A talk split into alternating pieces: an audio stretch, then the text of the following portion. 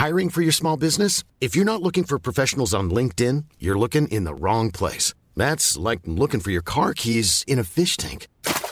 LinkedIn helps you hire professionals you can't find anywhere else, even those who aren't actively searching for a new job but might be open to the perfect role. In a given month, over 70% of LinkedIn users don't even visit other leading job sites. So start looking in the right place. With LinkedIn, you can hire professionals like a professional. Post your free job on linkedin.com slash people today. There's never been a faster or easier way to start your weight loss journey than with PlushCare.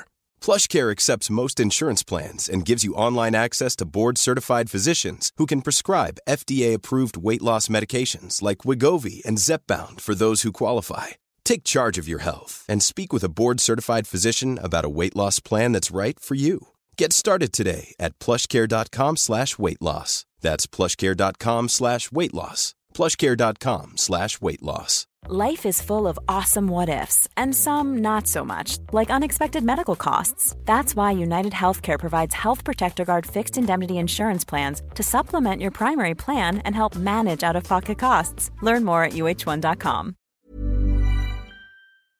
Veckans sponsor är Telia. Hos Telia samlar man mobil, bredband, IT-support, mobilväxel, allt som gör företagande enkelt.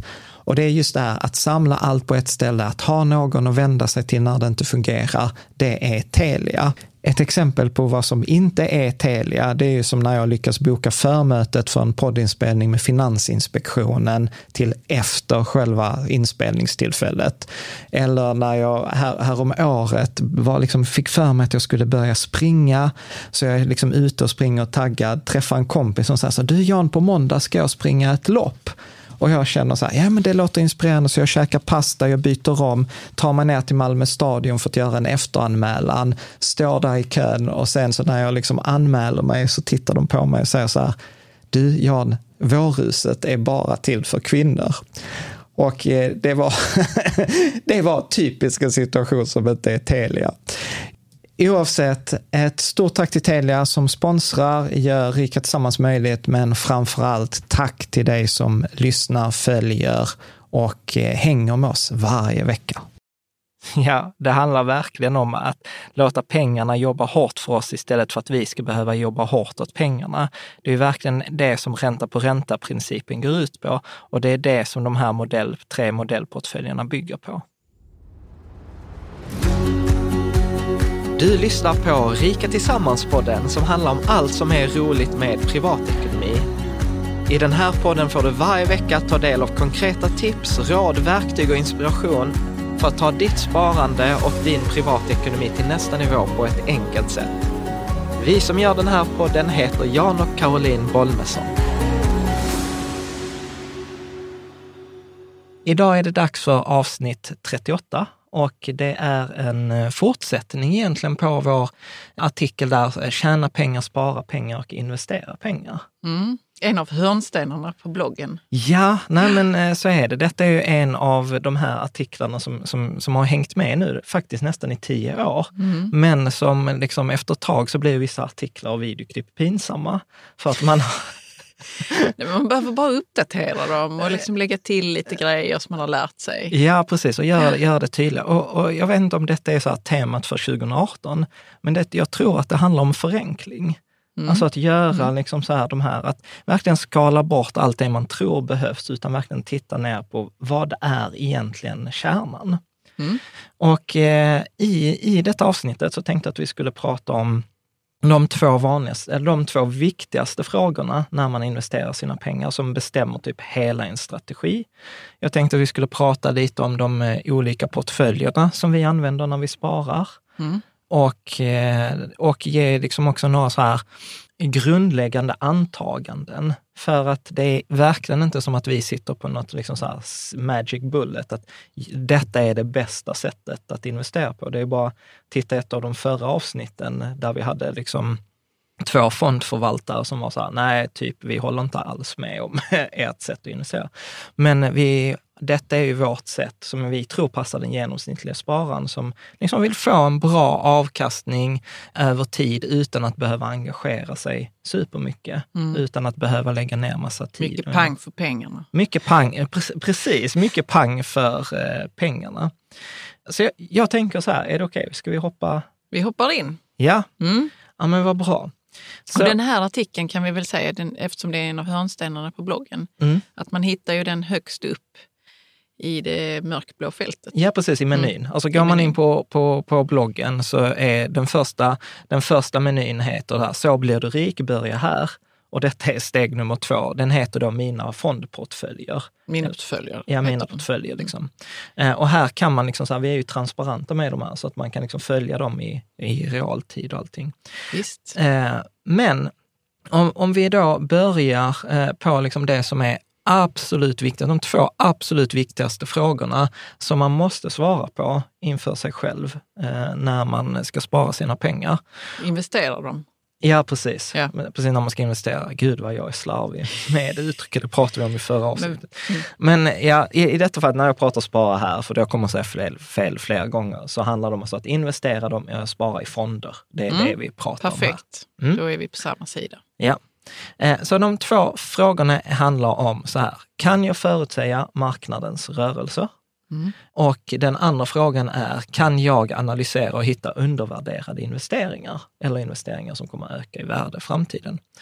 Och eh, parar man ihop de här eh, två frågorna så, så får man egentligen bara fyra kombinationer. Mm. Att jag kan säga så här att kan jag förutsäga marknadens rörelser? Kan jag hitta undervärderade investeringar? Och säger jag då ja, ja, då, då är det ju det som vi skrev i artikeln, så här, gurun. Helt Den enkelt. som vet det mesta. Ja, nej men Mm. precis. Ja, men typ så här oraklet. Alltså det är så här person som är så här stenkoll. Men Eh. finns det sådana egentligen inom ekonomivärlden? Ah, Ja, jag är ju högst skeptisk till att eh, de här Men människorna... finns det ingen som kallas eh, så ekonomiguru? Jo, det finns det säkert. Men, Som men har grej... mycket kött på benen? Ja, precis. Jag förlåt att jag skrattar, jag bara när du säger så här kött på ben. Det är så här, detta är ett sidospår, men det är så här, min mamma hon är, hon är lärare och eh, när hon var på en föreläsning med eh, en person, jag ska inte säga några namn eller någonting, som var från Tyskland, så skulle han då introducera något nytt koncept. Och så sa de så här att nej, vi kan inte introducera det här konceptet för att vi måste skaffa oss mer kött mellan benen. jag tycker Den här att, tyska personen sa det. Ja, och jag tycker det Hade är så, förstått, missförstått. att det här med eh, kött, kött på benen. Nej, men, och vi hoppar tillbaka. Vi hoppar tillbaks ja. till, till, från till, föreläsningen. ja, nej, men till, till gurun. Mm. Eh, nej, alltså så här, det, fann, alltså det finns ju så här i, olika perioder. Tycker man inte att Warren Buffett är en guru? Världens rikaste man. Nej, nej, men vet du vad? Jag tror att, eh, att han skulle svara på så här, kan jag hitta undervärderade bolag? Ja. Mm. Men jag tror inte han skulle säga att han kan tajma marknaden. Han tycker ju liksom också att marknaden är irrationell från tid till Mm. annan. Det som utmärker honom är att han har ett stort tålamod. Så jag skulle mer placera honom i analytikerfacket. Okej. Faktiskt, Mm. Nej, jag tror inte där finns några gurusar. Alltså, där var ju sådana på 2000-talet, under IT-bubblan, så var det en sån här svensk klassiker som hette Löparen.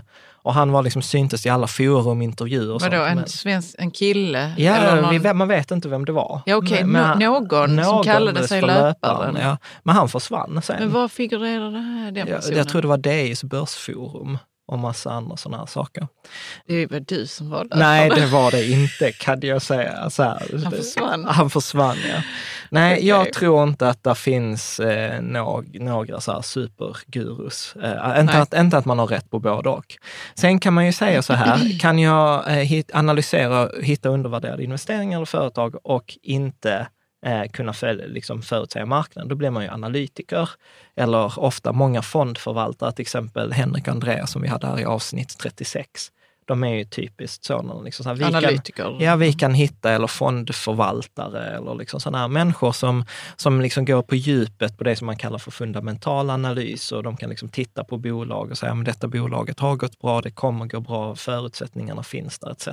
Men vad är det där fundamental analys egentligen? Men fundamental analys är att man tittar på, man läser kvartalsrapporter, årsredovisningar, På ett speci- specifikt för, bolag? på ett specifikt, för att Mm. man tittar på det man kallar för fundamenta. Fundamenta i bolaget. Siffrorna i ett bolag. Siffrorna, hur mycket pengar tjänar man? eh, Hur, hur, hur ser det fria kassaflödet ut? Hur ser balansräkningen ut? Vilka är balansposterna? Eh, hur ser försäljningsprognoserna ut? Man, man tittar på kapitaldagarna. Alltså man följer bolaget i detalj, liksom den redovisningsmässigt. Det är Mm. det, fundamental analys. Mm. Sen kan man ju ha då, så att nu har vi tagit ja, ja och vi har tagit ja, nej. Den tredje, På de här två frågorna, kan jag två- förutsäga marknadens rörelser? Och, och kan jag hitta Kan- undervärderade bolag? Mm. Sen kan man ju säga så här att eh, nej, jag kan inte analysera de här bolagen. Jag har inte datat, jag har inte kompetensen, men jag kan förutsäga hur människor beter sig. Alltså jag kan förutsäga marknaden. Och eh, här har vi till exempel Kavastu, Arne Talving. Jag skulle säga att han är en av Sveriges bästa marknadstraders. Han har full koll på marknaden, är, liksom, kollar lite på fundamenta, men inte jättemycket. Det är inte det viktigaste, utan han tittar på trenderna. Hur ser trenderna på marknaden eh, ut? Så att eh, till skillnad då från analytikern som kan bolaget i detalj, så tittar marknadstradern knappt på bolaget. Ska man vara lite taskig mot marknadstraders så så att de skiter i vilket bolag de tradar. De tittar bara på trenden. Och det är då man håller på med det som man kallar för teknisk analys. Att hur ser rörelsemönstret eh, ut? Det är jättemånga som har det finns kritik. många marknadstraders kan jag tänka mig. Jättemånga det är alla som gör daytrading är mer eller mindre sådana här traders. Och det kan man också diskutera huruvida teknisk analys fungerar eller inte, men, men det är i alla fall den här kombinationen nej, ja. Och sen har man den eh, sista kombinationen då. Kan jag förutsäga marknadens rörelser? Nej, det kan jag inte. Kan jag hitta undervärderade bolag? Nej, det kan jag inte. Och detta, när jag insåg detta, eller läste i den här boken, så bara insåg jag så här, Gud vad trist. Alltså jag är losern. För jag kan inte svara. Man vill alltid vara kompetent och kunna. Ja, ja men Mm. precis. Men detta är ju något som du har vänt till en fördel. Ja, Mm. precis. För att när, när man tittar eh, på det, då är vi tillbaka det som vi pratade också i den här andra artikeln, då, tjäna pengar, spara pengar, investera pengar. Mm. Att tvärtom så är detta en ganska stor fördel. För det visar sig, om man tittar på forskning, så är det att de flesta gurusar, de flesta analytiker, de flesta traders underpresterar mot marknaden i genomsnitt. Mm. Eh, och, och detta är ju liksom så här, jag fattade inte detta första gången, men det finns så många studier, till exempel Dalbar har en, Vanguard har en annan, där, där poängen är att den genomsnittliga investeraren underpresterar mot, ge, mot investeringen de investerar i. Och detta är ju jättekonstigt, men tolkningen är så här att om jag i januari hade lagt 100 kronor i en investering och sen bara låtit pengarna vara till 31 december så borde jag ha 110 kronor om den har ökat med 10 procent. Då har jag fått samma avkastning som min investering har fått. Men de flesta underpresterar mot sin egen investering. Det vill säga att de, om de hade köpt 1 januari och sålt 31 december hade de haft 110 kronor. Men i alla undersökningar så visar det att de har bara typ 106 kronor eller 107 kronor. Och, och då har man liksom undersökt vad beror detta på? Och då beror detta på att man, ja, framförallt beteendefaktorer, eh, kostnader, eh, rädsla, girighet, alltså att man gör dumma grejer med sina pengar. Och detta gäller inte bara vanliga sparare, utan detta gäller även fondförvaltare. Eh, en, en av de här mina favoritstudier som jag brukar referera till, det är den här, jag tror Barras, som gjordes 2006 eller något sånt, en professor i USA. Eh, För de gjorde en studie mellan 1976 och 2006, eller 2005, 30 år var det i alla fall. Och då tittade de på två- 2100 fonder. Av de här 2100 fonderna så 74 procent gick som index, alltså gick som genomsnittet. Det vill säga att hade de liksom köpt 1 januari och 31 december så hade de fått de 10 kronorna. 24 procent underpresterade, så de hade fått mindre än de där 10 kronorna och 0,6 procent överpresterade. Ja, det är de där magiska 0,6. Precis, precis, de 0,6 procenten. Så att så här, kan, man, kan man i forskningen bevisa att, är, att eh, det funkar för den här gurun eller för den här marknadstrainern, analytikern? Ja, men det är bara 0,6 procent av alla analytiker, alla gurus, alla marknadstraders som lyckas. Och 0,6, alltså det är en person på två, av 200. Det som jag tyckte var coolt däremot var att när, när liksom jag fortsatte läsa om det här och satte mig in i detalj, så visade det sig också att just genom att svara nej, nej, så hade man faktiskt egentligen de bästa oddsen. Vad var det du sa innan? Mest, mest effekt eller mest, Mest pang för pengarna. mest pang för pengarna. Och, och, och, detta bygger jag på samma citat som vi tog upp i det här förra avsnittet då, med tjäna pengar, spara pengar.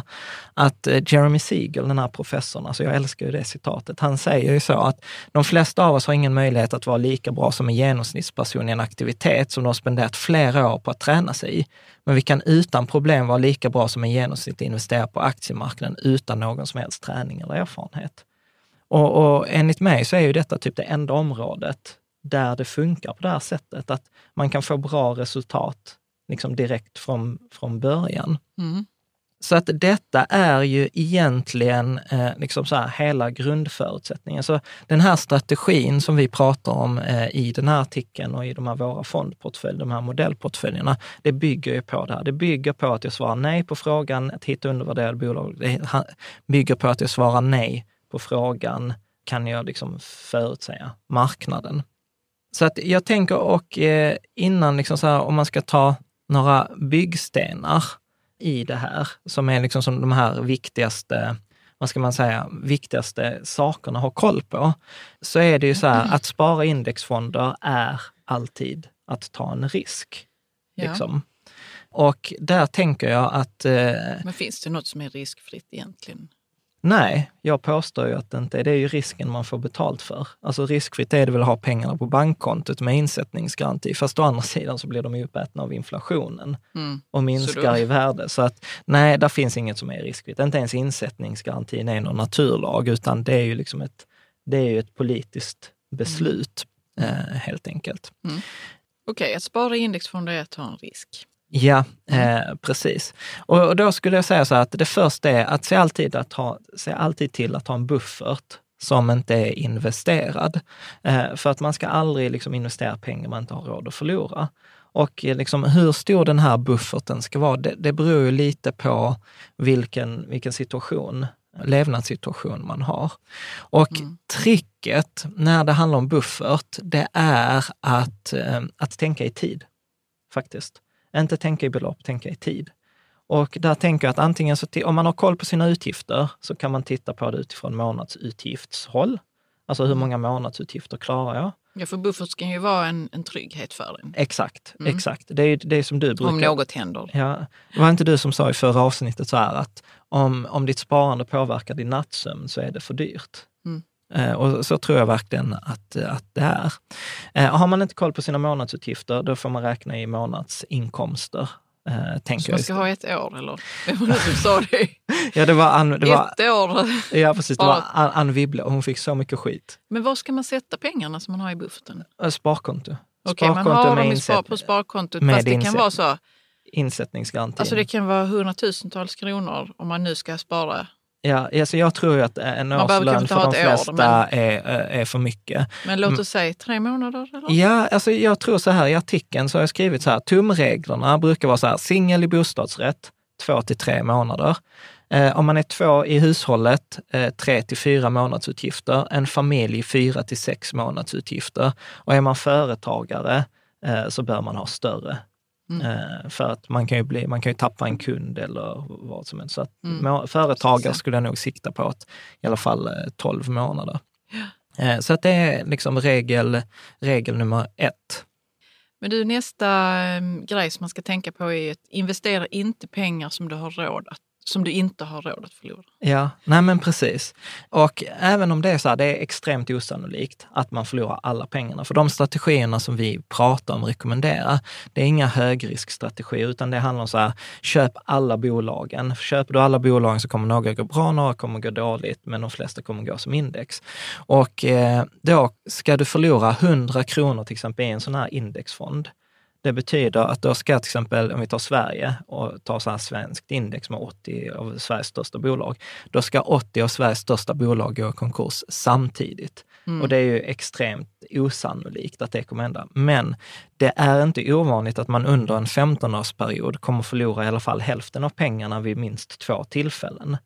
Och det är ju rätt mycket. Det är absolut, men det är också... Sen ska man ju få tillbaka dem och Ja, ja. mer. ja men precis. Men det händer ju. Det, det ingår ju, liksom, tittar vi på Mm, börsen på okej. hundra års sikt, så är det ju liksom den utvecklingen vi får. Mm. Men att, att de kommer falla i värde är, är eh, sannolikt. Och det är därför man inte ska spara till exempel pengar som ska till en insats eh, till ett boende eller de här buffertpengarna. För du vill inte bli av med buffert och du vill inte bli av med kontantinsatsen till ett boende på tre månader. Nej, men för jag tänkte också det att det kan ju vara lite olika med, vad man tycker man har råd att förlora. Ja, ja. Alltså för pengarna ska väl alltid, nästan alltid till någonting, även om det är om tio år. Ja, bara sanning med Så det gör alltid modifikation. ont att förlora John. Ja, men det är såklart det gör. Vi, uppska- vi, vi tycker en förlust är värre än en vinst också. Mm. Ehm, Jo, det är att värre eller inte känns... Alltså så här, Det är känslomässigt hur- jobbigt. Känslomässigt är det jobbigare att förlora pengar än att känslomässigt vinna pengar. Vi Mm. värderar förlusten liksom mycket, mycket mer Mm. än vad vi, liksom, om man vinner så är man så åh, vad roligt att jag vann. Liksom. går man vidare Sen går i man livet. vidare, ja. Medan Mm. förlust är så, fan, fan, fan. Eller i alla fall för mig är det så. Eh, så grundregeln är, investera inte pengar du inte har råd att, eh, att förlora. Och sen var vi inne, Sen var vi inne på eh, investera inte pengar som ska användas på kort sikt. Det pratar vi nu om. ja precis, och, och, och tumregeln är ju eh, att max investera 10% av sitt kapital per år man kan låta pengarna vara. För tiden, nu kommer jag tjata om detta här, Tiden är din bästa vän. Tiden är den viktigaste, viktigaste faktorn. Och för varje år vi lägger på, desto större är sannolikheten att vi får en positiv eh, avkastning och att vi minskar risken. Så tiden är super, super eh, viktig. Och så, så tumregeln är verkligen, jag säger det igen, 10% aktieexponering per år man kan låta pengarna vara. Och då säger det sig själv att ska man upp i 100% aktieexponering, då pratar vi en tidshorisont på 10 år. Ja. Liksom helst. Minst, minst fem år. Mellan fem och tio år. Och då är det också från varje givet tillfälle. Alltså ska jag ha pengar, nu är det 2018, ska jag ha pengarna 2028, ja då har jag 100 i aktier nu, men om fem år, 2023, då har jag bara 50 procent, för då är det ju bara fem års horisont kvar. Mm. Så jag kör ju inte tio år fram till 2027. Liksom. Nej, Ja, all right. Mm. Men du, eh, en grej här som vi också tar upp är att oavsett vad någon säger, mm. det finns aldrig några garantier. Nej, nej, vi var ju inne på vad det vill där. du säga med det? Nej, men det är så här, så här, historisk avkastning är inte en garanti för framtida avkastning. Nej. Börsen kommer att falla i perioder. Eh, Du kommer förlora pengar. Det finns inga säkra investeringar. Alltså det är, det är lika bra att ge upp den tron. Och inte ens, alltså, som jag var inne på, sparkontot är en, eh, liksom en säker plats. Det är den säkraste vi har. Absolut, och den är kanske 99 procent säker, men Mm. den är inte 100 procent säker. Det är jätte, jätteviktigt. Mm. Mm. En annan grej är ju att inte lägga alla ägg i samma korg. Mm. En Eh. gammal bund. Ja, precis. En Så här gammal... Visdom. Ja, men precis. Bondepraktikan. Eh, Nej, men jag, jag Nej, tror... det är inte jag. Är det inte det? Det är något annat. Låt oss bara säga att det är en visdom från bondesamhället. Okej. Ja. Ja, men där finns många sådana visdomar. Jag gillar ju till exempel en, eh, en, en bekant till oss, Annika Backlund, hon brukar alltid säga så här, baka inte bröd på utsädet. Ja, men det är, det är absolut Är det från visdom. bondepraktikan? Nej, men jag, vi får kolla upp det med bondepraktikan. Okej, jag jag fick- trodde det hade att göra med väder och sådana saker. Ja, så är det kanske. Ja. Ja. Mm. viss, vissa saker har jag bra koll på, men sen är det vissa andra saker jag är helt clueless Ja, eh, i. Eh, Ja, men så är det. Eh, Och tumregeln brukar jag säga, så aldrig ha mer pengar, mer än 20 procent kanske, i, max 30 procent i en fond. Alltså då, då ska det vara breda globalfonder om man ska våga sig på en sån, Mm. en, en sån grej. Det skulle jag säga. När, när det gäller så alternativa placeringar, alltså typ så spekulationer, då skulle jag säga max 5-10 procent. Eh, för att om man då skulle förlora till exempel så här 100, alltså man, hela investeringen skulle gå åt skogen och för man förlorar 100 procent, har man bara förlorat som mest 10 procent i sin portfölj. Så att, och, och vi kommer komma in på det också, att just att, att inte förlora pengar är viktigare än att vinna pengar. Mm. Eh, det, det kan du väl komma in på nu? Ja, nej men eh, det, det, det handlar ju så här, och detta är väl också snutt lite från Warren Buffett, världens rikaste man. Han säger så här, det finns två regler när man investerar sina pengar. Regel nummer ett, förlora aldrig pengar. Regel nummer två, glöm aldrig regel nummer ett. Eh, och du vet, alltså det är många som gör sig lustiga över det här. Eh, jag också, i många år, ända tills jag liksom satte mig med Excel och började räkna på varför säger han, eh, varför säger han så här.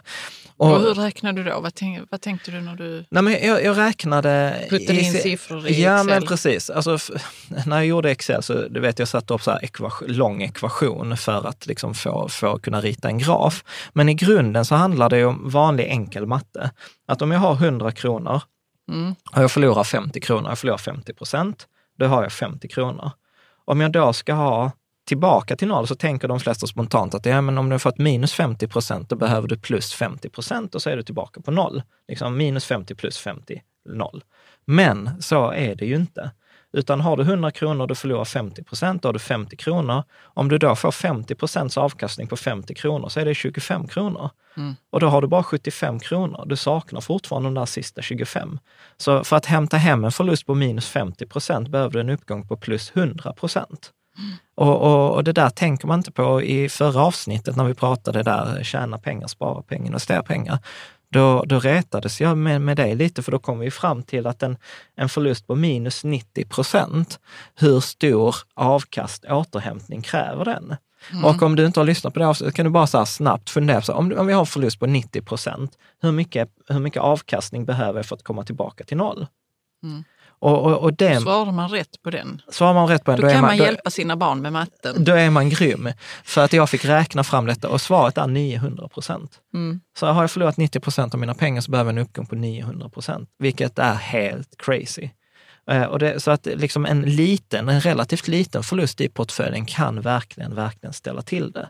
Mm. Och detta är varför jag alltid tar med ränte och obligationsfonder i portföljerna, för att det är liksom som en krockkudde.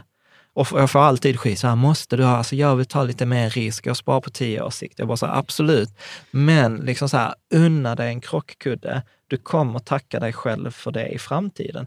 Inte en uppåtgående marknad som vi har haft eh, de senaste åren, men i en marknad som vänder, Mm. då är det liksom eh, värdefullt med de här eh, med en sån här krockkudde.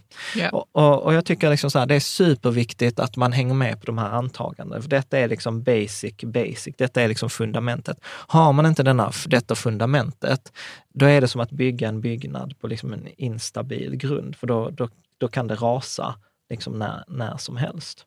Mm. Du Jan, du har skrivit Tiden är din bästa vän. Mm. Kan du inte bara säga kort någonting mer om det? Jo, men det, det där handlar ju om att jag påstår att tiden är vår enda fördel. Det är vår enda fördel mot professionella liksom, investerare eh, som är där ute. Och, och det handlar om att tittar man till exempel på den svenska börsen, eh, så har jag på, på bloggen gjort en, en graf som visar liksom hur den svenska börsen har gått varje år från 1870 till 2017. Mm. Så att den visar sig så här, ja men Eh, 2017 då gick den 6 procent, 99 så gick den 69 procent. Så hade du satt in en krona i januari, 100 kronor i januari så hade du haft 169 kronor i slutet av december. Vilket år var det sa du? 99 tror jag att det var. Eh, Wow. ja, men det var ju därför jag sa så. Vi festade som om det var 1999. Ja. Men det var ju det där vi gjorde i vår klass på gymnasiet. Vi investerade våra pengar i klasskassan och vi tog examen 2000.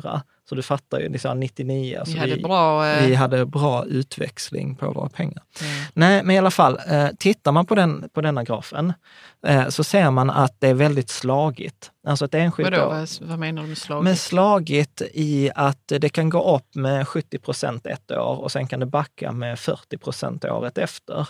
Och det Ja, ser i princip ja. helt slumpmässigt ut. Det, de, de, eh, Och den grafen kan man ju se i själva blogginlägget. Ja, ja, precis. Eh, och slutsatsen, eh, slutsatsen man kan dra från detta är att det går mer upp än vad det går ner. Det går Mm. upp ungefär 60 procent av fallen, det går ner ungefär 40 procent av fallen. Så sex av tio år kommer man ha en positiv avkastning, fyra av tio år kommer man ha en negativ avkastning. Och det gör det att ett enskilt år är det ju jättesvårt att säga hur det kommer att gå. Och det är därför jag säger så här, investera inte på kort sikt utan på lång sikt. För att det som jag har gjort sen är att jag har bearbetat den här grafen och så har jag tittat på så här, så om man inte sparar på 12 månaders sikt utan att man sparar på ett eh, 10 års sikt, Mm. då förändras liksom den här eh, grafen. Och vad, vad är din reflektion från den? Det är graf nummer två va? Ja, Ja, det är ju det är ju väldigt sällan som det går ner. ja.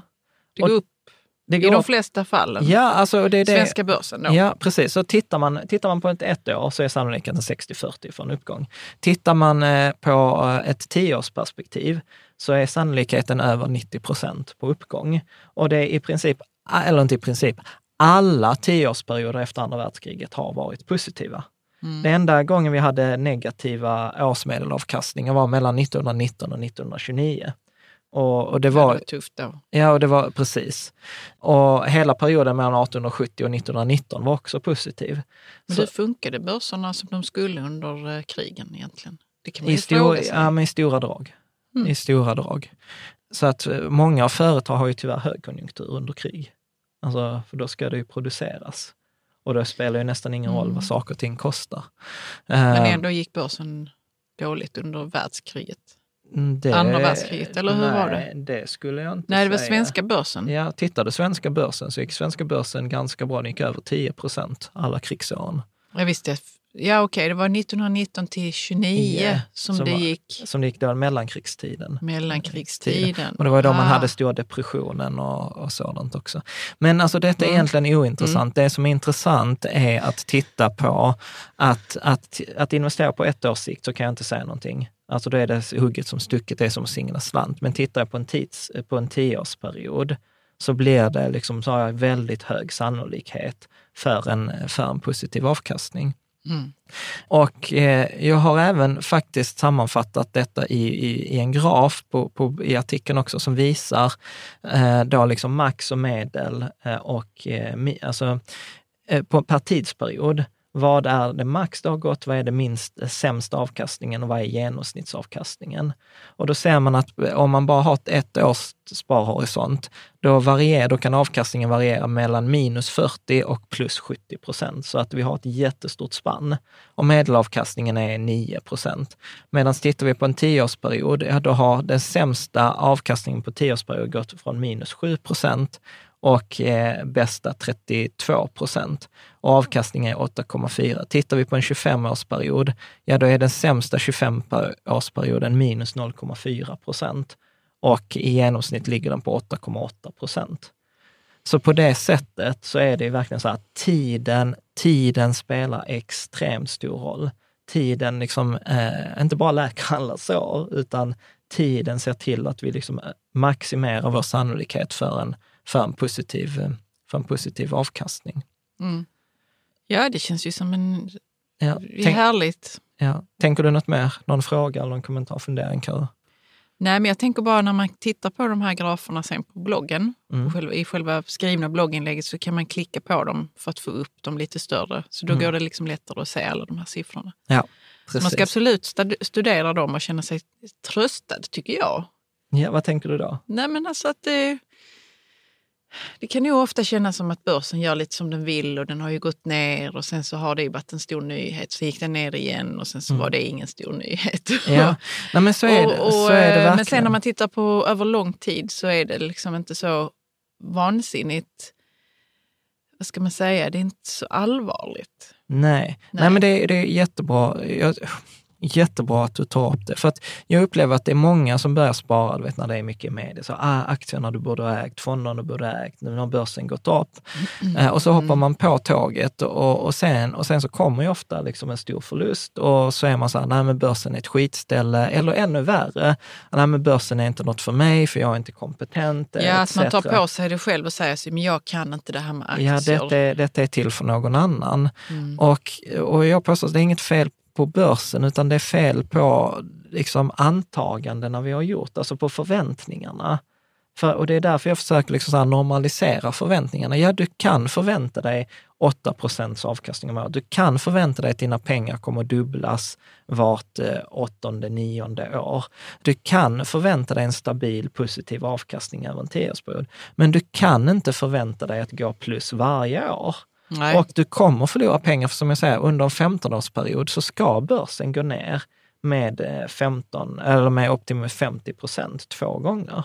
Och kan man liksom ha dem för sig, då vet man så här, ja men det är schysst, det rasade, det är ingen fara, jag fortsätter månadsspara. Jag fortsätter göra de här sakerna som jag alltid har gjort.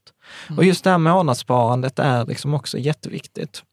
Och om vi ska, jag tänkte att vi ska ta in den här sista biten nu i, i det Den sista avsnitt. viktiga biten är väl portföljerna? Ja, ja. precis. Och kan då, du inte säga lite om, om eh, de här olika portföljerna? Alltså, Ja, Varför man ska skaffa sig Ja. någon av dem eller flera av dem. Och, Absolut. Alltså jag tänker för det första så har vi ju separata artiklar om Mm. respektive portfölj. Så att här blir det inte så att jag går igenom detalj utan Nej, vi bara, bara tittar liksom det översiktligt. göttigaste. Ja. ja, men om vi tar den första som jag egentligen rekommenderar. Och när folk frågar mig så här, hur ska jag spara, då brukar jag säga så här, nybörjarportföljen. Och nybörjarportföljen eh, är helt enkelt, jag kallar den för nybörjarportföljen för att det är en portfölj som är enkel att komma igång med. Mm. Men man ska inte underskatta den. Man ska inte bara tycka, åh, nu är det nybörjare och sen levlar jag till något annat. Liksom. Man kan ha den länge. Man kan ha den länge. Det är en klassisk eh, portfölj. Eh, norska Vad oljefonden. betyder det med klassisk portfölj? Ah. Det känns ju himla fint att du säger det, men jag blir så Ja, vad- men det vad är för att då? man, för man skrev redan, jag tror, de första böckerna jag har läst om den här portföljsammansättningen från typ 45-60-talet. Tror jag så här. Och alltid när man läser en bok om finans, alltså en finansbok eller en bok om investeringar, så har man alltid detta som en modellportfölj. Man jämför alltid 100% aktier och sen jämför man en så här klassisk balanserad portfölj. En Som har aktier och räntor. Ja, som är en 60. Det är en, det är en klassisk vad 60-40 ska- Nej, vad har portfölj. den för någonting? Jo, men 60-40 portfölj. Ja, okej. Eh, och då är det 60 procent just då aktier som är andelar i företag och sen är det då 40 procent eh, ränte och obligationsfonder. Eh, right. och ränte och obligationsfonder, det är ju snarare så här att det är ju lån. Mm. Eh, att man gör precis som banken, man lånar ut sina pengar och sen får man en förutbestämd ränta för de pengarna och då blir det som en krockkudde. För att eh, om du, om jag, om jag, du, om du lånar mig 100 kronor och sen börsen faller, så är jag fortfarande skyldig dig 100 kronor. Damn right. Ja, precis. Så på det sättet så blir det ett skydd. Medan aktierna liksom kan ju röra sig mycket i värde. Så att nybörjarportföljen brukar säga så här, passa en tidshorisont 4 till 6 år, eh, mellanhög risk. Eh, där finns ju en sån här KID-skala som, på 1 till 7 där man säger 1 är lägst risk, lägst avkastning, 7 högst risk, högst avkastning. Eh, och då är detta typ en, jag skulle säga en 4 på den skalan.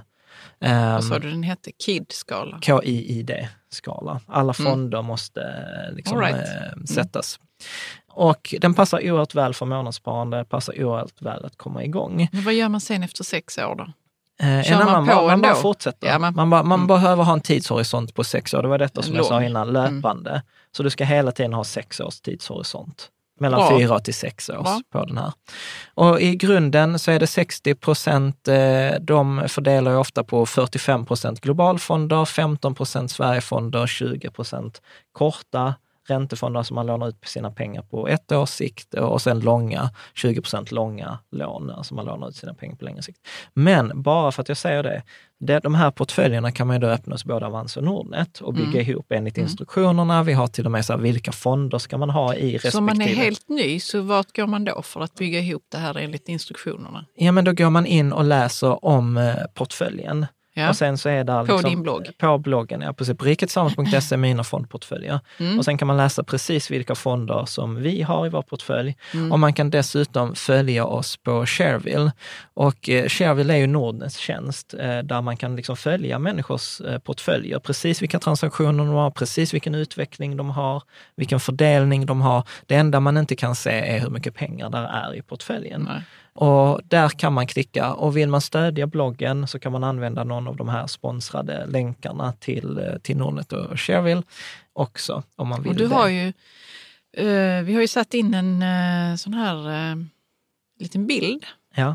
där det står följ portfölj, portföljen på Shareville. Mm, Så kan man ju se hur det då har gått för nybörjarportföljen Ja. tre år. Precis. Och så, jag, jag höll på att titta på den här innan och då Mm. sa du, ja men den är live. Ja, men den är realtid. Okej, vad betyder det att den är realtid? Nej, men det är att eh, går du in och tittar på portföljen idag Mm. så ser det hur portföljen har gått fram tills idag. Mm. Går du in på den i nästa vecka så kommer du se hur den gick Men under jag kan förra alltså veckan. titta i det här blogginlägget. Ja, hur det går för portföljen. Ja, för den är hela tiden uppdaterad. Det, precis. Mm. Och det är det Skönt. som Nordnet tillhandahåller och det, den är liksom kostnadsfri, Ja. den tjänsten. Så då kan man gå in och så Härligt. följa och så det är typ 8000 människor som har gjort det redan innan. Så Mm. på det, på det sättet så är det ju liksom ganska, alltså ganska transparent. Jag tycker det är ganska kul Mm. och, det, och framförallt så tvingar ju det oss också att lägga tid på det här urvalet för att vi ändrar ju inte det oss under året. Liksom, så att då blir det... Men du får jag bara fråga dig, du är, ju, du är ju mest den som är inne på Nordnet och, och Ja. Shareville och kollar. Så. Är det någon annan, alltså sitter du och tittar på portföljerna som ligger där och hummar och tänker så här, men det var ändå ganska bra tänkt. Nej. Den här portföljen. Nej, nej, jag gjorde det förr. Idag gör jag inte. Alltså jag loggar Nej, in för kanske du är ändå två... trygg i din- Ja, gud ja. Nej, men vi gör ju inga transaktioner i portföljerna på underårsbasis. Det är bara månadssparandet. Nej, alltså jag, för mig räcker det att logga in ett par gånger om året. Alltså jag är Det så får man kan titta på många olika Ja, ja, portföljer ja. och Nej, men jag, nej, precis. Men jag, jag är så pass trygg att eh, det, det behövs inte. Nej. Det, det, Mm. det funkar. Det, så här, det är ju det som är poängen. Alltså om vi tittar på de här två frågorna, eh, nej, nej. Alltså kan du förutsäga börsens eh, svängningar? Kan jag eh, hitta undervärderade bolag? Jag svarar nej, nej. Och då behöver jag ju ha valt en strategi som är långsiktig, där jag inte behöver lägga tid på, där jag inte behöver oroa mig, utan där jag gör jobbet en gång och sen låter, låter det löpa. Ja, för det, jag tänker att om man är intresserad av ekonomi så kan det nog vara lätt att man tittar lite, sneglar lite på vad andra gör. ja, ja, ja. Och så har, så har någon fått 68 procent något år man bara, okej. Ja, 68 är, är ändå ganska defensivt. Tittar man på show så finns det folk som har gjort flera hundra procent på tre Mm. månader. Mm. Problemet är att eh, det är sällan samma personer som är på topplistan eh, sex månader senare. Mm. Utan, Okej, eh, det är ganska så temporärt. Ja. Det är Så inget, det kon- men gäll- så här, men det är gäller att inget sitta konstigt. tryggt i sin egen Ja, båt, men i det sin handlar- egen strategi. Ja, men precis. Mm. Men det handlar om flit och systematik. Mm. Eh, alltså det är inget konst att göra tusen procent med lite tur. Nej, men vi har gjort, jag Ja, har, jag, ja, har, jag, har en depå, jag har en depå, vi har en depå på Avanza där vi har gjort eh, 1015 procent. Mm. Men, men grejen är att jag har tillräckligt mycket självinsikt för att inse att det var bara tur. Det är en aktie som jag har ägt i fem år som har haft enorm utveckling. Men det är inget du kan göra om på ett repeterbart eller förutsägbart eller systematiskt sätt. Nej. Och det jag är ute här efter, det är ett sätt som liksom, det är, ja, men det är repeterbart, det är förutsägbart, det är systematiskt. Mm. Jag kan förutsäga det med på liksom en tioårshorisont. Jag kan med 90 procent sannolikhet säga vad, vad den här portföljen, i vilket spann den kommer vara om tio år. Mm. Det, det är det jag vill sätta mina pengar på. Jag vill inte chansa Absolut. på att åh, jag hade tur. Eh, liksom. alltså, vill, vill, så här, jag brukar säga, eh, så här, nu går jag igång här, men man kan ju gå på kasinot och få 3 500 procents avkastning Mm. direkt. Alltså det är bara att sätta liksom pengarna på en siffra på roulettebordet. Och det, är, det är en fantastisk avkastning, 3,5 3600 procents avkastning på två minuter. Men risken att förlora är 90, över 97 procent. Mm. Så att återigen, det beror på vad, vad det är man är ute efter. Ja, min poäng var väl snarare det att liksom snegla, man kan titta vad andra gör, men, men eh, att man kanske ska vara trygg i sin egen strategi. Mm. För jag känner mig själv, jag kan bli lite så, ah, de har gjort ett annat sätt där. Ah, så, så ruckas jag liksom i min, eh, kan jag ruckas i mina övertygelser kring någonting. Det behöver inte vara pengar liksom. Och då behöver jag jobba för att komma tillbaka. Men var, varför bestämde jag mig för det här från början? Jo, därför att en, två, tre olika Mm. grejer liksom som, som var viktiga för mig, som är viktiga för mig fortfarande. Mm. Är du med på vad jag menar? Så det, om man är intresserad av ett ämne så kan det vara lätt att man tittar, vad gör andra? Liksom. Mm. Ska vi gå vidare till portfölj nummer två? Ja, men det tycker jag. Mm. Globala barnportföljen. Globala barnportföljen, ja men precis. Eh, globala barnportföljen var ju en portfölj som jag satte ihop när, när vi skrev boken, eller när Charlie skrev boken Gör ditt barn rikt. Där vi liksom tittade på att ett sparande till barn är ju på en längre tidshorisont. Alltså Mm. där är det ofta 10, 15, 18, 20 år. Och då är det så här, handen på hjärtat, att spara i nybörjarportföljen då, det är inte, det är inte ett bra tips. Utan då kan man unna sig en högre ak- aktieexponering. Mm. Och eh, då gick jag egentligen på den här, en annan så här klassisk portfölj. Ja. Och en annan sån klassisk portfölj är en 90-10-portfölj. Mm. Som bygger på det som Warren Buffett eh, sa. Han sa så här att när jag dör så vill jag att mina pengar ska förvaltas 90 procent i en passiv indexfond och 10 procent i en obligationsfond.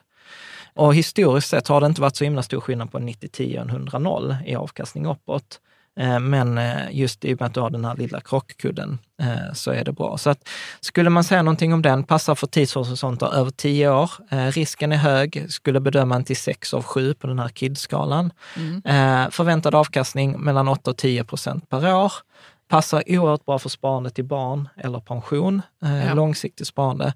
Och den kommer vara skakig. Alltså denna är den portfölj som kommer tappa 50 procent minst två gånger under en 15-årsperiod.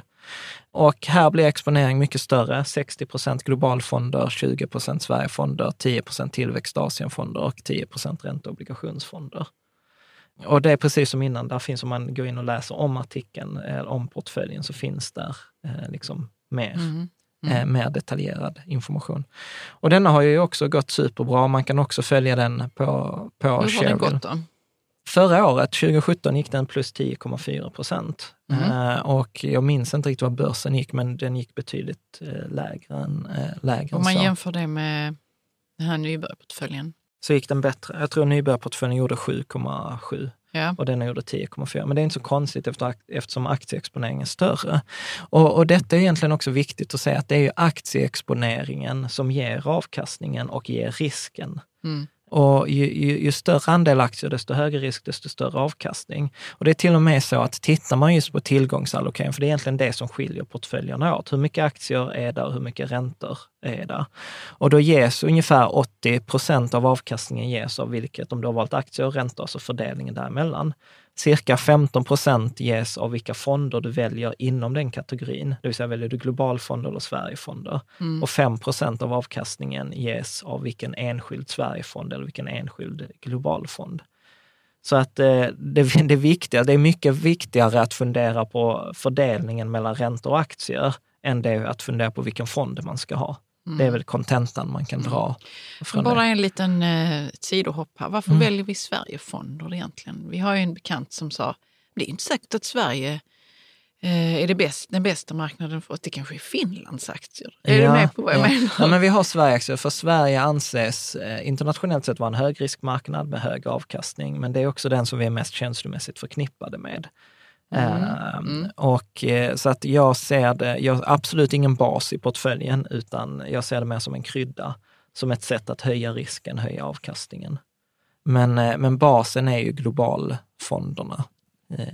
Ses Sveriges marknad som en högrisk? Extrem, absolut. Varför? Jo, men det är väl som här klassiska ordspråk, man brukar säga så här att om USA är havet så är Sverige som ett flöte på den.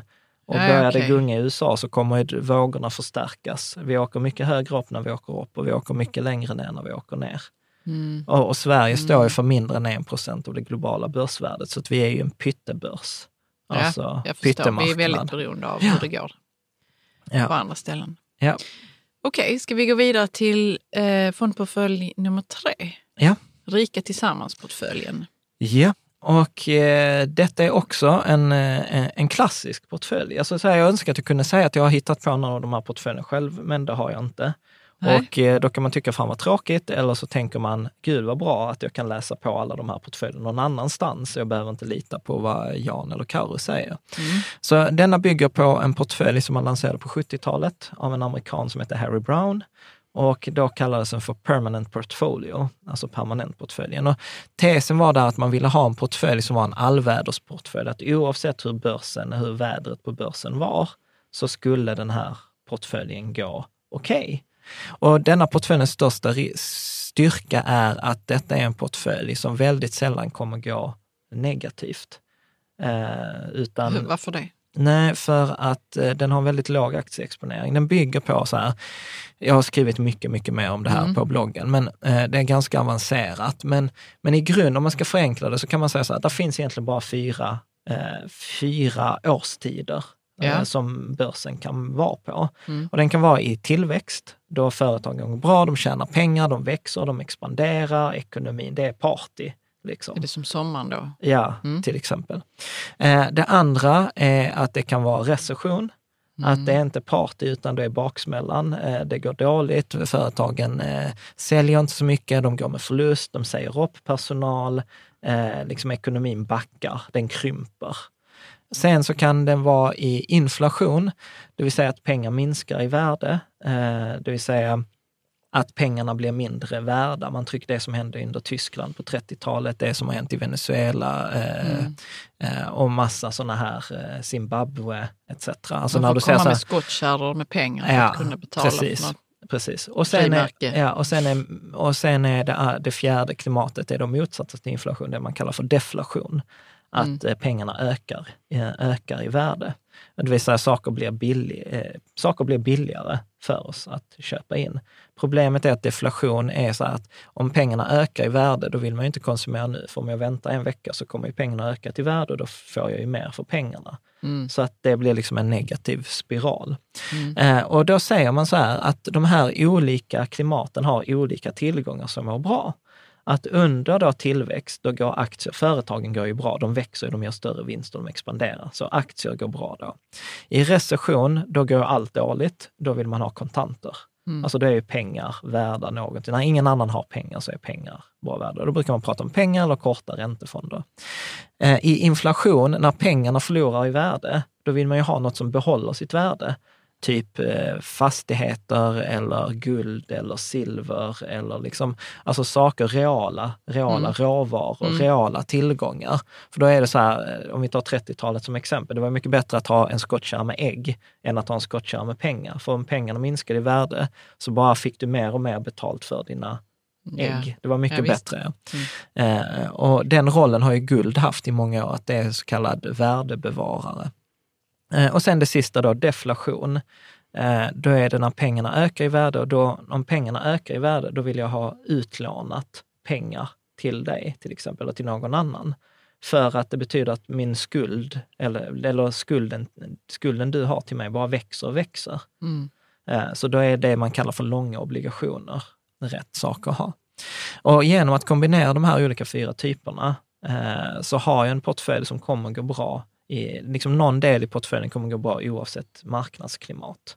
Eh, och då är tanken att den delen som går bättre kommer att lyfta upp de delarna som går sämre. Okay. Helt mm. enkelt. Mm. Men detta är en oerhört komplicerad portfölj på det sättet att man behöver köpa specialtillgångar eh, som inte alltid finns att handla.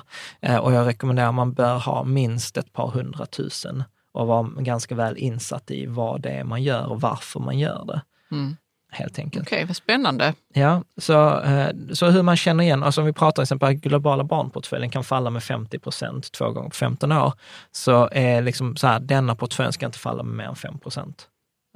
Eh, och det har den väldigt sällan gjort. Så jag brukar säga passa på tidshorisonter från två år uppåt. Risken är låg, kanske tre av sju. Förväntad avkastning 4,55 procent per år. Passa för om man alltid vill ha en positiv avkastning oavsett vad som händer. Väldigt mm. komplex portfölj. Så hur har den här Rika Tillsammans-portföljen gått?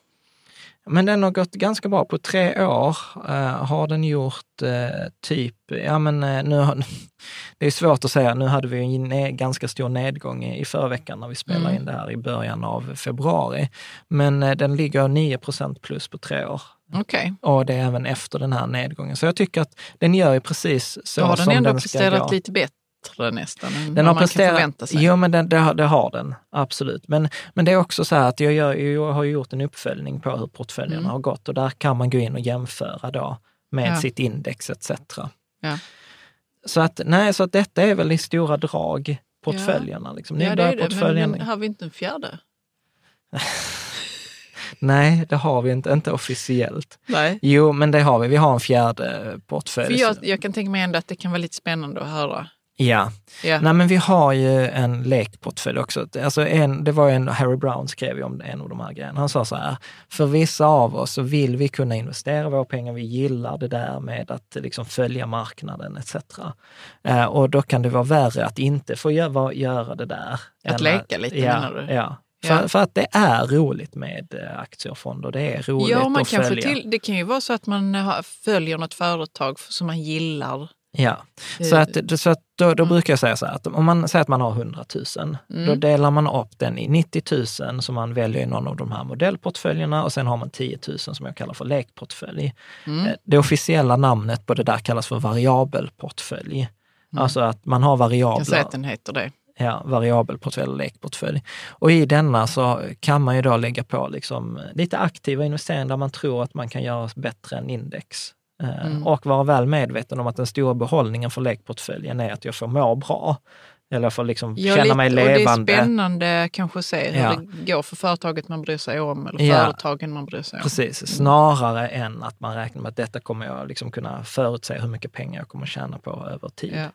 Eh, det är viktigt att, och, alltså om man är intresserad av ekonomi är det viktigt att få ha eh, den här, ja, vad men, ska man säga, den, ja, men lite känslomässiga, lekfulla kanske. Ja, men absolut. Känslomässiga kopplingen. mm, Eh, absolut. Alltså, på ett kontrollerat sätt. Ja, alltså om vi tittar i vår variabelportfölj så är det ju några saker som jag gillar. Vi, vi har ju till exempel investmentbolagen i den portföljen, de svenska. För där är ingen investering som har gått bättre på 30 års sikt än de svenska investmentbolagen. Det har ju Mm. varit Mm. helt crazy. Alltså hade jag, varit, hade jag haft stora cojones, eh, liksom inte brytt mig om pengar, om man ska ju säga, okej du ska maximera avkastningen, skit i om du förlorar pengar. Om man ska maximera avkastningen på ett sådant sätt, då skulle jag gjort, eh, köpt de svenska investmentbolagen. Ja. Eh, Sen har, finns ju de med i en liten del. I Ja, alla ju. portföljerna, I alla portföljerna är de med på en liten del. Mm. Eh, Sen har vi några aktivt förvaltade globalfonder. Vi har ju då Coeli, fonden där som vi gjorde intervjun med Henrik Andreas. Vi har en annan aktivt förvaltad fond som heter Lancelot Camelot. Fond, Det låter som, ja, det är kung Arthur. Alltså man måste ju ha, jag är ju så här nö, medeltids... har jag sagt okej till detta? Nej, det har du inte. Nej, men du sa å andra sidan inte okej till mina Tesla-aktier. Ja, De du, ja, du har ju Tesla-aktier i, i din portfölj. Du har ju Google, eller Alphabet har du också i den, i den portföljen. Nej, men så att där handlar det om att sånt som man tycker är kul. Men, Ja. men jag är väl medveten om, tittar vi på en 20-årsperiod så kommer våra passiva mod, modellportfölj med stor sannolikhet gått mycket, mycket bättre. Så det handlar ju lite om vad man vill ha. Vill du ha ett systematiskt, förutsägbart, repeterbart sätt att investera dina pengar som kräver fyra timmar per år, eh, då är det de här modellportföljerna. mindre än tandborstning. Ja, mindre än tandborsten, precis. Och det där är lite roligt, för för många år sedan när vi hade portföljerna, Eh, så fick jag alltid frågor så här, eh, Jan, men jag fattar att det är detta det du skriver, men vad gör du med dina pengar egentligen? liksom. Och då var det så här, nej men jag gör det jag skriver om. Och sen lanserade ju Nordnet sin tjänst Shareville och jag var så här, ah, äntligen, då slipper jag alla de här mejlen. För jag säger så här, gå in och kolla i portföljen, du kan se precis vad som finns där. Men Är det ingen som frågar nu? Nej, nu är det ingen som frågar om det, utan nu, nu frågar de något annat. Utan Ja, en, en vanlig de? fråga är så här, du Jan, jag följer dig på Shareville eh, och jag tycker det verkar bra, men du har inte gjort någonting på över ett år. Är portföljen fortfarande aktiv eller har du glömt bort den? Och jag är så här, nej men det är meningen att man inte ska behöva göra några förändringar, utan det På ett vi, år, sen gör man Ja, sen gör man en ombalansering. Eh, så att, eh, och jag tror att det är inte så många som vågar stå kvar vid det här, för att det är inte normalt accepterat att få så här, men jag investerar i index för att eh, liksom, jag kan inte förutsäga eh, marknadsrörelser, för jag kan inte analysera. För, det är en, för mig var det en skam i det. Mm. Rätt länge, liksom så här, gud jag kan inte läsa en årsredovisning. Var det länge liksom jag hade dåligt det kan samvete. vi ju. Ja, men idag kan jag, men då Nej. kunde jag inte. Nej. Men sen, och, och, och sen eh, pratas det ju inte så ofta om att, att genom att du får den här genomsnittliga avkastningen över tid, att du då faktiskt kommer få en bättre avkastning än 9 av 10 sparare. För 9 av 10 sparare klarar ju inte ens att få den genomsnittliga avkastningen. Nej. Så för varje år man lägger på, alltså de här 10, 15, 20 år, det gör ju att du kommer tillhöra de topp 10 procenten som har tjänat mest pengar på dina placeringar. Mm. För, för där kommer alltid vara människor som på kort sikt tjänar mer pengar. Alltså löparen, gå in på Shareville, kolla de här som gör 300-400 procent på tre månader. Men det är inte repeterbart, det är inte förutsägbart, det går inte att göra systematiskt över lång tid. Nej. Hade det gått att göra 300 procent på tre månader systematiskt, du vet så här, då hade ju inte de människorna hängt på Shareville. De hade ju liksom drivit en hedgefond på Wall Street. Alltså, nej men man Ja. behöver få lite reality check här. Mm. Så att jag brukar säga, idag är jag helt okej med att jag är, liksom, jag är en genomsnittlig sparare som över tid inte kommer vara så genomsnittlig. Eh, men det kommer ta tid. Jag är Mm. hellre sköldpaddan eh, som vinner över haren. Men det kräver, det kräver lite trygghet i sig själv, det kräver lite prestigelöshet. Och det kräver att man är autentisk med sig själv med frågan så här, är, sparar jag för att tjäna pengar eller sparar jag för att uppfylla på ett känslomässigt behov? Mm, vad tänker du då? Ja, men sparar jag Vad för är det att... för känslomässigt behov? Nej, att eh, känna spänning, Känna att jag får vara del av någonting. Jag kan få dela krigshistorier med andra när jag förlorade pengar i krascher eller när jag var med i Fingerprint eller när jag steg av på bitcoin på 20 000. Det var det bästa jag har hört på hela dagen. Alltså. Ja, nej men det är jag var ju med så. i Fingerprint. Ja, eller så här, jag steg av. Alltså, du vet, jag träffar ju människor, äh, jag sålde av bitcoin på 19 000 dollar. Jag bara så här, grattis, köpte du en trisslott den veckan också? Liksom.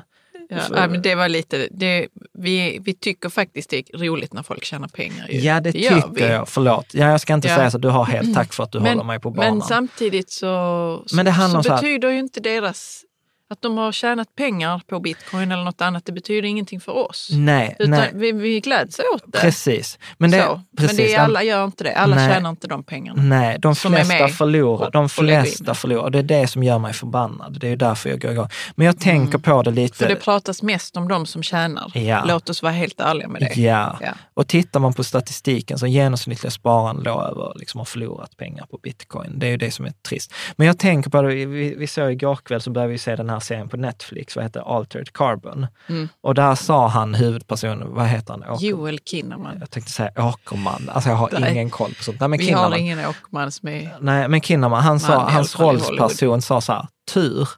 Hmm, tur är inte ett ord jag brukar associera mig själv med. Ja. Och, jag, och du gillade jag det. gillade det. Jag hatar att vara beroende på slumpen. Jag, jag har för mycket kontrollbehov. Eh, och jag är helt autentisk. Jag har kontrollbehov eh, med det där. Och då investerar jag hellre på ett sätt som är förutsägbart, där jag har kontroll, eller så mycket kontroll jag kan ha. Snarare än att ha den här, att jag förlitar mig på att jag hade tur. The thrill. Ja, så att det är upp till liksom, den som lyssnar får ju göra sitt eget. Ja, eh, men jättebra tack- poäng. Man måste gå till sig själv helt enkelt. Man måste gå till ska sig själv. välja strategi för investering. Ja, Mm. Eh, man behöver gå till sig själv och, eh, och vara autentisk. Mm. Vara autentisk. Och sen så tror jag att det bästa är att man behöver inte välja, man kan ju faktiskt ha både och.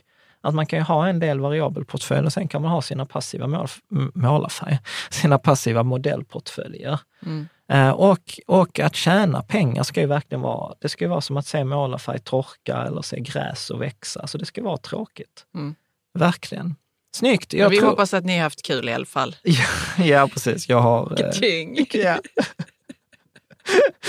Vad var det för något? Jag vet inte. Ja, Det bara kom till mig. ja, det var bra. Ja. Nej, men eh, så detta, jag hoppas att du får ut värde av det här avsnittet. Där är, liksom, gå in på bloggen, eh, beriketsams.se, tryck där längst upp är modellportföljer. Där finns några relaterade artiklar. Kolla på graferna, lyssna också, se det här avsnittet, eh, tjäna, spara pengar, tjäna pengar, investera pengar, bli Mm. rik. För mycket av det som Det är vi som del ett nästan. det är som del ett, detta är lite som del två. Mm. Och eh, sen prenumerera gärna på vårt nyhetsbrev när vi kommer ut varje år med ombalansering, med information om portföljerna, om de bästa fonderna. Så Mm. skickar vi alltid ut det via, via mail. Och sen naturligtvis också eh, prenumerera gärna liksom, eh, på oss på Youtube, på Soundcloud, i din poddspelare, ja, Facebook, Twitter. Var, vi, vi, vi, Vi försöker, överallt. vi alltså. försöker hänga där ni hänger, eh, helt enkelt. Mm. Så att det uppskattar vi. Och sen som vanligt, nästa artikel kommer nästa, eh, nästa avsnitt kommer nästa söndag. Och eh, då kommer vi med, eh, med stor sannolikhet prata om frågor och svar. Med Mm. att plocka upp Kom, kommer nu på söndag? nästa söndag. Ja. Näst. Ja. det är svårt det här när man, right. det är svårt det här när man spelar in avsnitten i förväg, eller hur älskling? Mm. Eh, ja men bra. Ta- så här, tack för idag. Tack för idag.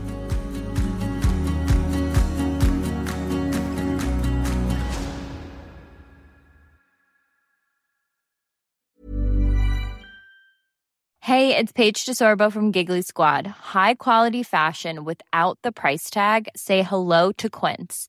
I'm snagging high-end essentials like cozy cashmere sweaters, sleek leather jackets, fine jewelry, and so much more. With Quince being 50 to 80% less than similar brands. And they partner with factories that prioritize safe, ethical, and responsible manufacturing. I love that. Luxury quality within reach. Go to quince.com slash style to get free shipping and 365 day returns on your next order. Quince.com slash style.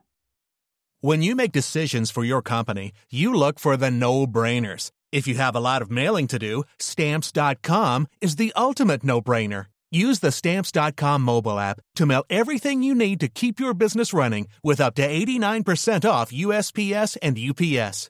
Make the same no-brainer decision as over 1 million other businesses with stamps.com. Use code program for a special offer. That's stamps.com, code program.